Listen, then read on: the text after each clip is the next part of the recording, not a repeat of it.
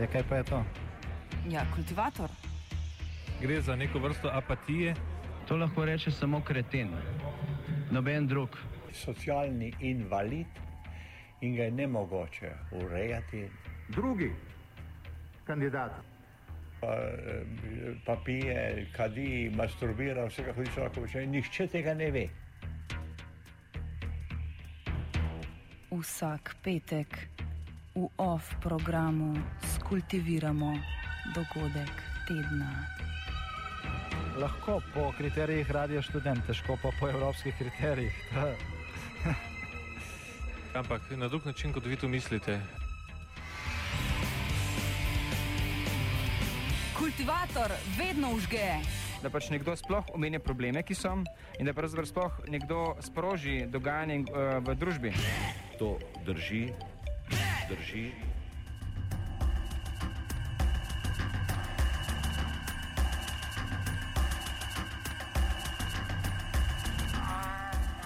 Razburkano morje na RTV-ju.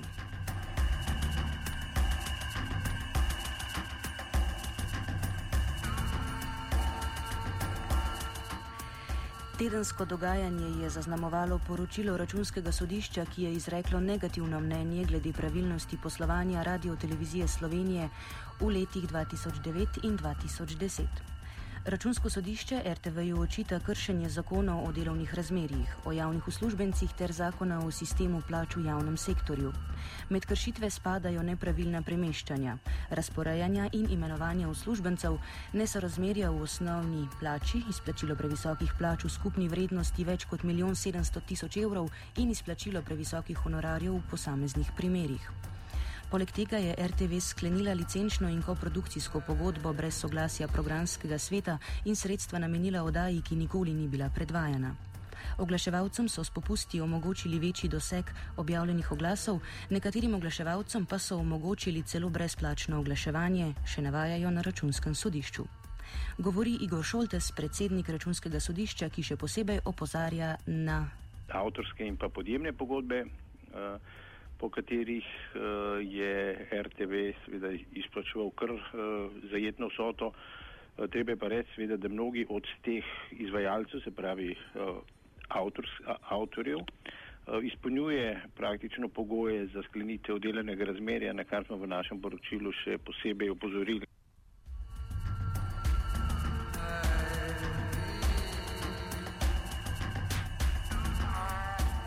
Čeprav je RTV zaradi finančnih težav še letos julija vlado pozval k zvišanju RTV prispevka, javnemu zavodu denarja v preteklosti očitno ni manjkalo. Kako si naj sicer razlagamo takšno razsipnost, saj seštevek vseh prekrškov v poročilu presega 52 milijonov evrov? Potem takem tudi plačevanje prispevkov, ki se upadajo s pogodbo o zaposlitvi, ne bi smelo biti problematično, a žal temu ni tako. Predsednik računskega sodišča Igor Šoltes je med drugim povedal, da je RTV v letu 2010 vsaj 242 pogodbenim partnerjem izplačala honorarje, kljub temu, da so obstajali vsi elementi za sklenitev delovnega razmerja. Vodilni na RTV-ju sicer trdijo, da nepravilnosti v zvezi s honoriranimi sodelavci odpravljajo. Kaj o tem menijo sindikati, smo pa vprašali Zorana Medveda, podpredsednika sindikata novinarjev Slovenije. Ja, dejansko je res, da oni nepravilnosti odpravljajo, ampak je dejstvo, to je ravno to, o čemer sem prej govoril. Dejstvo je v tem, da smo se mi preprosto zanašali na to, da ljudi, ker tega nihče v preteklosti ni zahteval, ni bilo niti neke pretirane politične zaveze, niti enotnosti v družbi, kako izvajati delovno-pravno zakonodajo, preprosto eh, honorarnih sodelavcev nismo zaposlovali. Tudi nismo nikoli natančno v hiši določili enega razmerja med redno zaposlenimi in honorarnimi sodelavci, ki bi bilo optimalno za izvedbo vseh tistih nalog, ki jih RTV Sloveničano, ker marsikdo med njimi kvalitativno prispeva zelo veliko v programih RTV Slovenija. Eh, ampak eh, enostavno, eh, kot sem prej rekel, tehnično gledano, oni so najlažji odpustljivi. Zdaj, eh, deloma je v zadnjih letu pa pol, recimo dveh letih, eh, vodstvo RTV Slovenija tudi zniževalo že počasi število pogodb, eh, zniževalo tudi eh, raven sredstev, ki jih namenja za eh, honorarno delo. Ampak je dejstvo, da eh, tudi v planih je bilo to predvideno, tako da so te zadeve poskus, poskušali izpeljati, ampak eno je praksa, eno so nameni in eno je dejansko, kakšen je programski učinek tistega, ko ti enostavno iz nekega programa izločiš eh, honorarce. Dejstvo je tudi to, da eh, mi imamo zelo neugodno razmerje eh, v, v strukturi redno zaposlenih ljudi med tistimi, ki so dejanski proizvajalci programov in recimo temu drugimi z znižanjem, uh, v bistvu ima zgodba o nižanju RTV prispevka, tako imenovanega RTV prispevka, uh, malo da rečem in daljšo brado,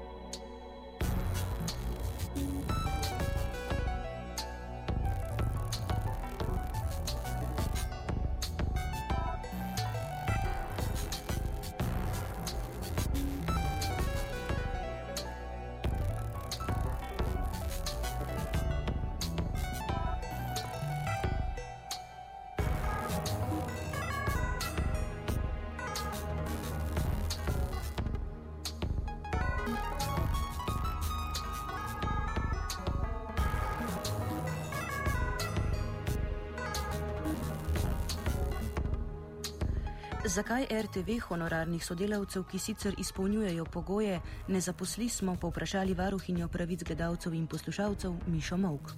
Res je, da kar nekaj ljudi izpolnjuje pogoje, zelo veliko tistih, ki so pa v službi redni, pa žal ne.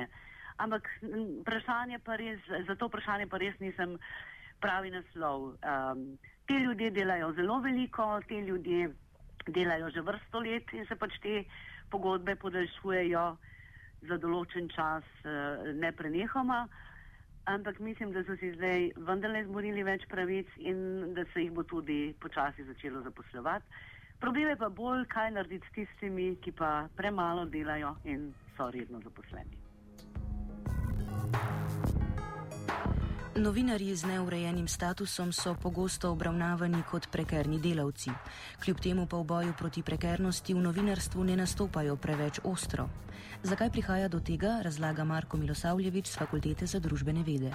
Ne vem, mogoče bi razlog lahko iskali tudi v delni izgubi solidarnosti znotraj samih novinarjev. Težko je govoriti o neki enotni novinarski drži, če imamo znotraj novinarjev uh, nekaj, če moram že nekaj časa govorim kaste.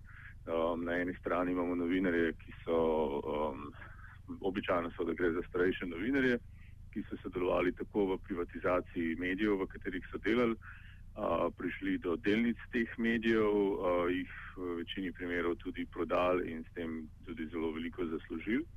Um, na, na, s tem tudi svoj medij, v katerem so delovali, uh, prepustili pravzaprav. Uh, v milost ali ne milost razno raznim tajkunom in raznim drugim lastnikom in uh, s tem tudi v marsikaterem primeru povzročili seveda težave uh, svojih medijev, v katerih zelo pogosto še vedno delajo.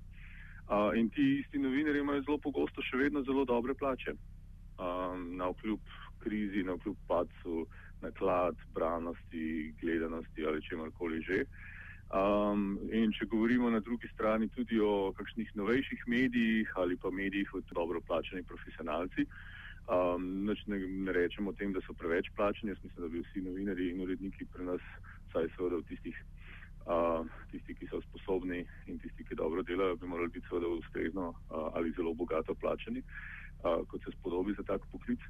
Uh, ampak obstaja pa seveda potem ta zelo, ve, zelo velik razkorak ali razkol med temi novinarji in temi uredniki, in pa na drugi strani um, neko novo kasto teh prekernih delavcev, v, ki tudi pač se pojavljajo v novinarstvu, ki opravljajo stvari, za katere bi pravzaprav morali biti zaposleni po, po naši zakonodaji, če toliko in toliko časa upravljaš neko določeno delo, te delodajalec da mora zaposliti. Uh, vendar se to zelo pogosto ne zgodi, na najrazličnejše uh, bodi si pravne uh, finte, ali pa seveda enostavno na, na, na račun tega, da si marsikateri novinar, čeprav ve, da izpolnjuje pogoje za zaposlitev, enostavno ne upa tem nastopiti proti svojemu uredniku ali pa svojemu direktorju, ker bo ta že našel nek način, da se takšnega novinarja zelo pogosto znebi. Kar je pa še posebej žalostno pri tem, je pa, da tako kot ugotavljajo tudi različne revizije in tako naprej, da se to seveda dogaja tudi na javni radio televiziji Slovenija, torej ne samo v zasebnih komercialnih medijih, ampak tudi v tistih medijih, kjer bi moral biti kakšen drug kriterij uh, bolj pomemben uh, ali pa seveda spoštovanje zakonodaje, seveda še bolj pomembno, kot pa, um, oziroma ki bi moral biti pravzaprav simbol spoštovanja vse te zakonodaje. Je neurejen status lahko razlog za slabo kvaliteto prispevkov in samo cenzuro novinarjev? Govori Marko Milosavljevič.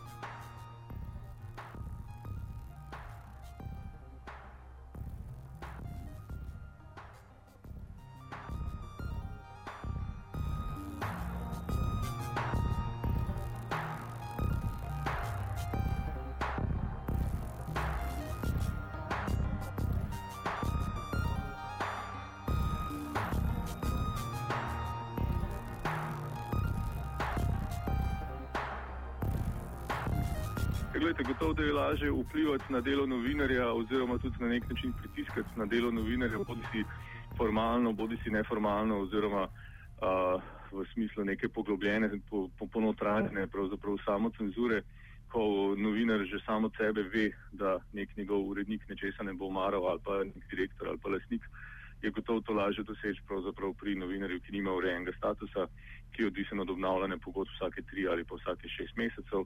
Um, tako da torej to, te mehanizmi gotovo obstajajo in niso na ključni. Torej, mislim, da jih, se jih marsikateri urednik ali direktor zaveda uh, in jih seveda tudi s pridom uporablja. In spet pravim, pri tem to, torej, to je situacija, ki se pojavlja tako v elektronskih medijih, kot v tiskanih medijih, tako v zasebnih medijih, kot v javnem RTV servisu, kot v uh, ali pa v raznih novih medijih, ki se pojavljajo v zadnjem času, tako da gre nažalost za precej razširjen pojav. Um, politika pa seveda to pravzaprav seveda s pridom izkorišča, če bi želela, bi seveda spremenila uh, tako zakonodajo, kot seveda torej delovno zakonodajo, kot zakonodajo na področju medijev, uh, vendar pa pravzaprav zakaj bi to storila, od tega ima na nek način samo korist. Namreč uh, veliko število relativno odvisnih in šibkih novinarjev, uh, s katerimi je bistveno lažje ne bom rekel manipulirati, ampak uh, na nje na nek subtilen način pritiskati oziroma jim dati vedeti, da pravzaprav, če, če nekaj stvari ne bodo v skladu z neko voljo, um, potem seveda bodo uh, izpostavljeni različnim oblikam.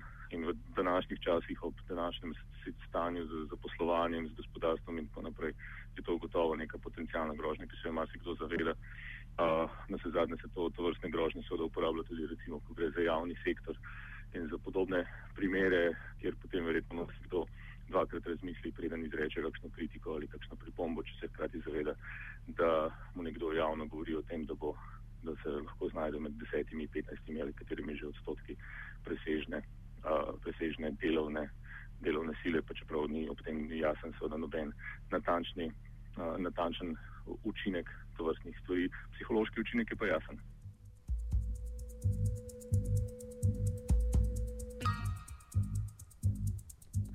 Kaj pa o prekernem novinarstvu in kvaliteti prekernih novinarjev meni varuhinja Miša Mok? V zvezi s tem nikdar in težko bi rekla, da bi to vplivalo zaradi tega, ker ti ljudje se bolj trudijo, ker računajo, da bodo pa kdaj vendarle lahko dobili zaposlitev za nedoločen čas. Tako da tukaj Mm, bi rekla, da je manj neke spekulacije v smislu, vse je dobro uh, narejeno, vse sem se dovolj pripravil, ampak da delajo zelo zagnano, zaradi tega, ker se vendarle skušajo vrstiti na neko prioritetno listo za poslovanje v prihodne.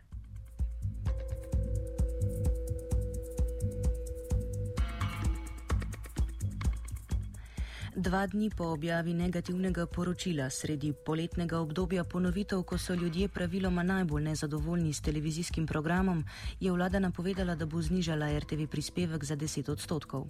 Gospodinstva bodo tako letno prihranila dobrih 15 evrov. Superminister za izobraževanje, znanost, kulturo in šport Žiga Turk pa je razložil, da je ta ukrep del politike zategovanja pasu v javnem sektorju.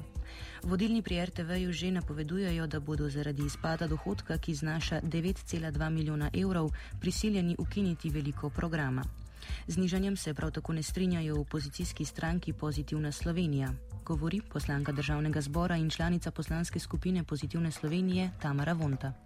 Z znižanjem, v bistvu ima zgodba o nižanju RTV prispevka, tako imenovanega RTV prispevka, malo da rečem in daljšo brado, pa tudi, ne vem, potrebno je pač poznati cel kontekst, ki se pač dogaja v našem medijskem prostoru.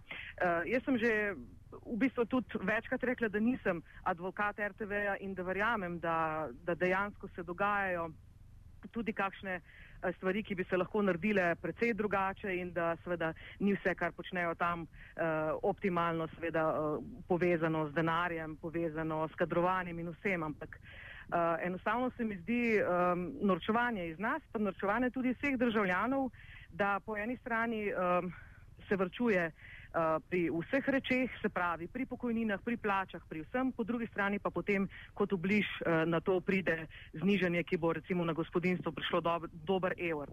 Dober evro ne? in medtem pa v bistvu se na drugi strani pa oblikuje nova uh, televizijska hiša oziroma nov televizijski program, ki ga financira uh, podjetje, ki je v državni lasti in je do zdaj, kolikor vemo, že namenjenih bilo, v ta namen uh, 15 milijonov uh, evrov, ki gredo seveda posredno tudi iz naših žepov. Um, jaz sama, niti kot novinarka, kot dolgoletna urednica in vse nisem proti, uh, absolutno ne proti konkurenci na medijskem trgu, ampak seveda je treba tej zadevi um, dati tudi pravilno ozadje, da rečem, in razložiti vse, kar je s tem povezano. Namreč ve se že, da um, že nekaj časa uh, pač vlada skuša na razne načine uh, vplivati, še bolj vplivati, doseči še večji vpliv na uh, javno televizijo. In ker to ni mogoče, in ker ni bila uh, dovolj poslušna, da rečemo na rekovaju, so se potem odločili pač tudi za ta uh, finančni pritisk. In z tega vidika uh, se mi zdi to znižanje resnično smešno. Nov te televizijski, pardon, televizijski program, ki ga omenja Vonta, se imenuje Seoul TV. Financira pa ga Telekom Slovenije, podjetje v državni lasti. Pri tem so vse pogostejše govorice, da se na to novo televizijo zgrinjajo ideološko desno naravnani medijski kadri. V tej luči lahko vladno zmanjševanje sredstev javni radioteleviziji izgleda še bolj problematično. Kaj pa o domnevnem napadu na RTV meni varuhinja Miša Mok?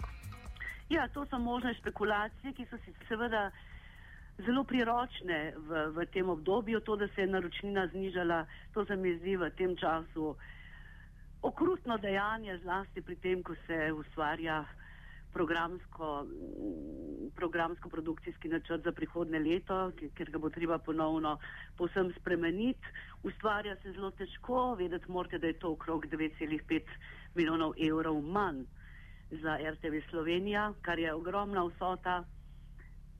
Odaje so v pripravi, veliko jih je v načrtovanju in bo to zelo, zelo prizadelo uh, ustvarjalnost v naših programih. To, kar se je pa dogajalo eh, v prejšnjem vodstvu, te informacije so mi bile nedosegljive, seveda gre pogosto tudi povsem za poslovne tajnosti, ampak za to bi pa res morali dobiti kot sogovornik ali gospoda Antona Guzaja. Kako pa bo to vplivalo na programsko schemo in ali nižanje prispevka pomeni bolj komercialno usmerjen program, nadaljuje Miša Mavk.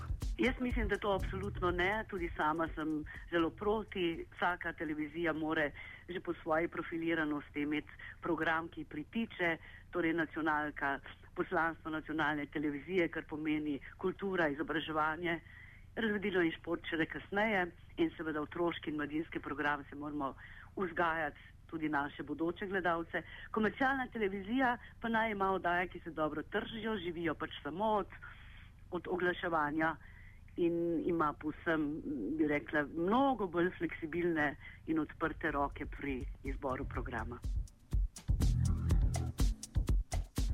Kako pa se bo znižanje prispevkov odrazilo na RTV-ju po mnenju Marka Milosavljeviča?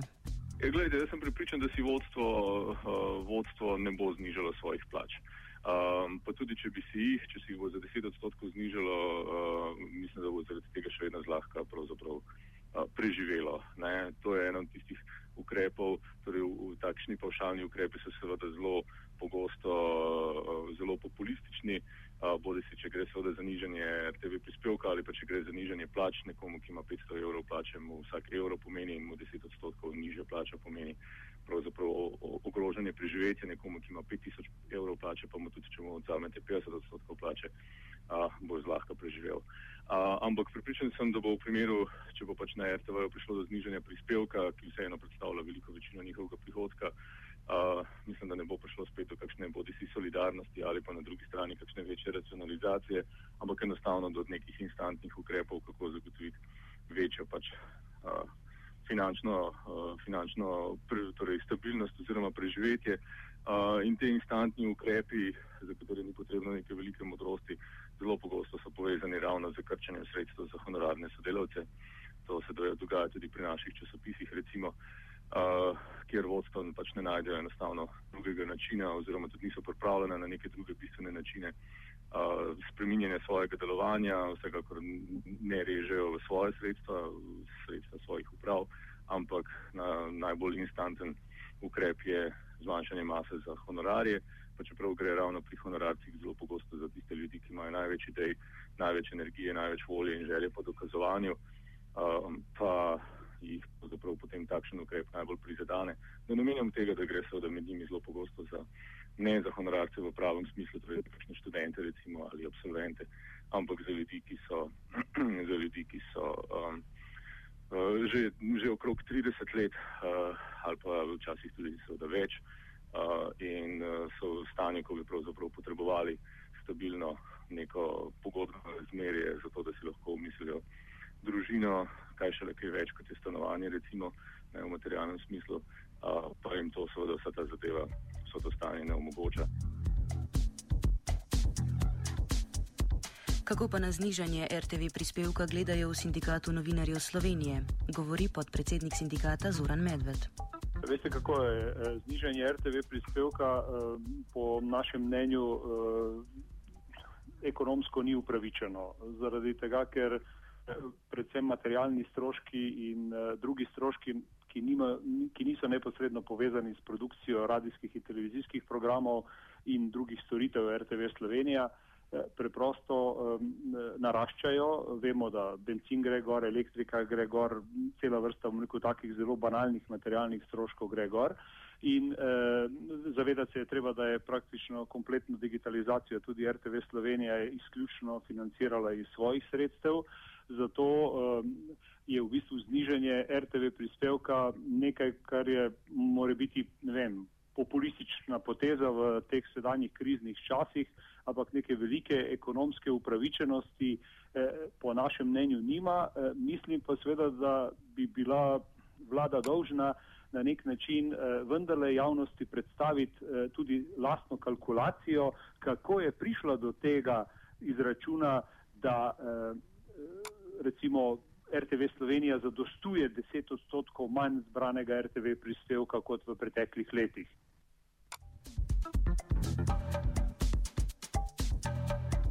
Na Ministrstvu za izobraževanje, znanost, kulturo in šport so še sporočili, da se mora vlada do konca tega meseca dokončno odločiti, ali se bo višina RTV prispevka spremenila. Na drugi strani pa ima RTV 90 dni časa, da pripravi odzivno poročilo računskemu sodišču in objasni nepravilnosti v poslovanju. Ali bo prišlo do kakršnih koli sprememb v vodstvu, smo za konec poprašali še varuhinjo Mišo Mok. Ja, to, kar je računsko sodišče ugotovilo, zdaj se nanaša bolj na prejšnje vodstvo. Tako da tukaj kakšnih kadrovskih menjav uh, ne bo moglo biti, ker jih je večina ni več na teh položajih.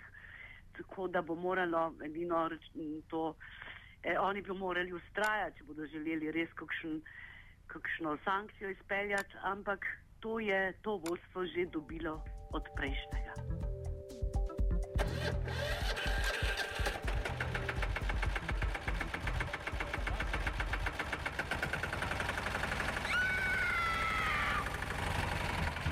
Ja, kaj pa je to?